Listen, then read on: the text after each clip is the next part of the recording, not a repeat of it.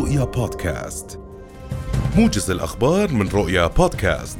استشهد ثلاثة فلسطينيين فجر اليوم برصاص قوات الاحتلال الإسرائيلي الخاصة بعد استهداف المركبة التي كانوا يستقلونها بعشرات الأعيرة النارية على دوار عرابة جنوبي مدينة جنين شمالية الضفة الغربية المحتلة.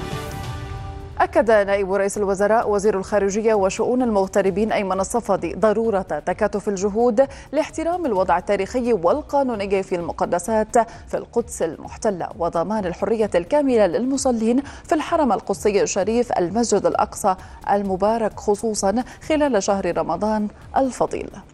وأكد الصفدي خلال مباحثات أجراها هاتفيا مع نظيره الأمريكي أنتوني بلينكن ضرورة وقف جميع إجراءات الاحتلال الإسرائيلي الشرعية وضرورة وقف كل الإجراءات الاستفزازية التي تهدد فرص تحقيق السلام والتهدئة مشددا على أن الحفاظ على التهدئة الشاملة وحماية حل الدولتين ضرورة يجب العمل عليها من قبل جميع الأطراف. شددت وزارة الداخلية السعودية على القادمين الراغبين بأداء العمرة ضرورة اشتراط إصدار التصريح عبر تطبيقي اعتمرنا أو توكلنا مؤكدة أنه لن يتم السماح أو لن يتم السماح بدخول العمرة دون تصريح. وكشفت الوزارة عن أن عقوبة القادمين لأداء مناسك العمرة دون تصريح تتمثل بغرامة قدرها عشرة آلاف ريال.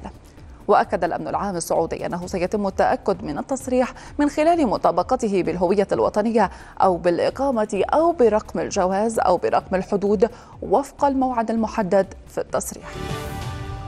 فر أكثر من ثلاثة ألاف شخص من ماريوبول في حافلات وسيارات خاصة بحسب ما أعلنت السلطات الأوكرانية بينما يستعد الصليب الأحمر اليوم لمحاولة تنفيذ عملية إجلاء جديدة من هذه المدينة الساحلية المحاصرة بعد فشل محاولة أولى. وفي اليوم السابع والثلاثين للحرب خففت القوات الروسية قبضتها على كييف وتعمل على تجميع صفوفها للتركيز على شرقي البلاد حيث ستتواجه مع الجيش الأوكراني مما يشير إلى صراع طويل الأمد. قد يستمر أشهر وفق ما حذر منه البنتاغون.